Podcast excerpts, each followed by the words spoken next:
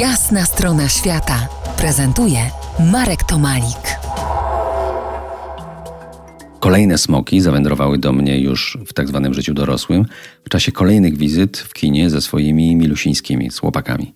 Tolkiena nie czytałem, więc fabuła filmu mnie nie poraziła, ale urzekły mnie nowozelandzkie krajobrazy, a smoki? Smoki rozśmieszyły.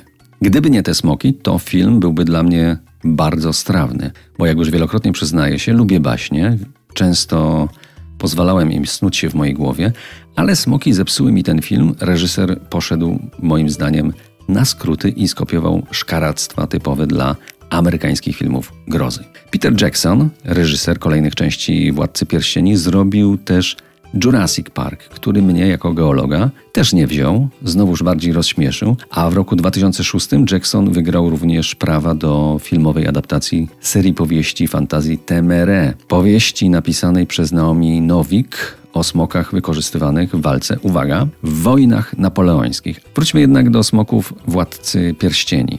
Ta groza mnie rozśmiesza, nie straszy.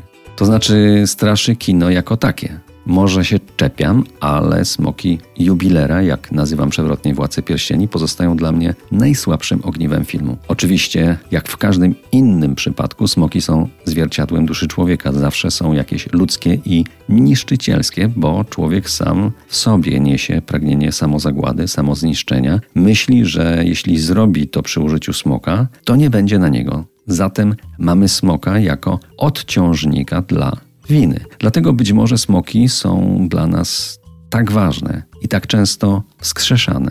Ale te smoki z Władcy Pierścieni są bardzo amerykańskie, chciwe skarbów. Smok, który pojawia się w samotnej górze, w Ereborze, pojawia się z powodu złota, ponieważ smoki w świecie Tolkiena niczego nie pożądają tak bardzo jak skarbów. Smoki jak ludzie, ludzie jak smoki. Krasnoludy Muszą się więc liczyć z tym, że w pokonaniu bestii bogactwa przejdą w ich ręce. I to się tak kręci. Za kilkanaście minut zapraszam w podróż w poszukiwaniach prawdziwego, niefilmowego smoka, a szukać będziemy go, uwaga, w pieninach.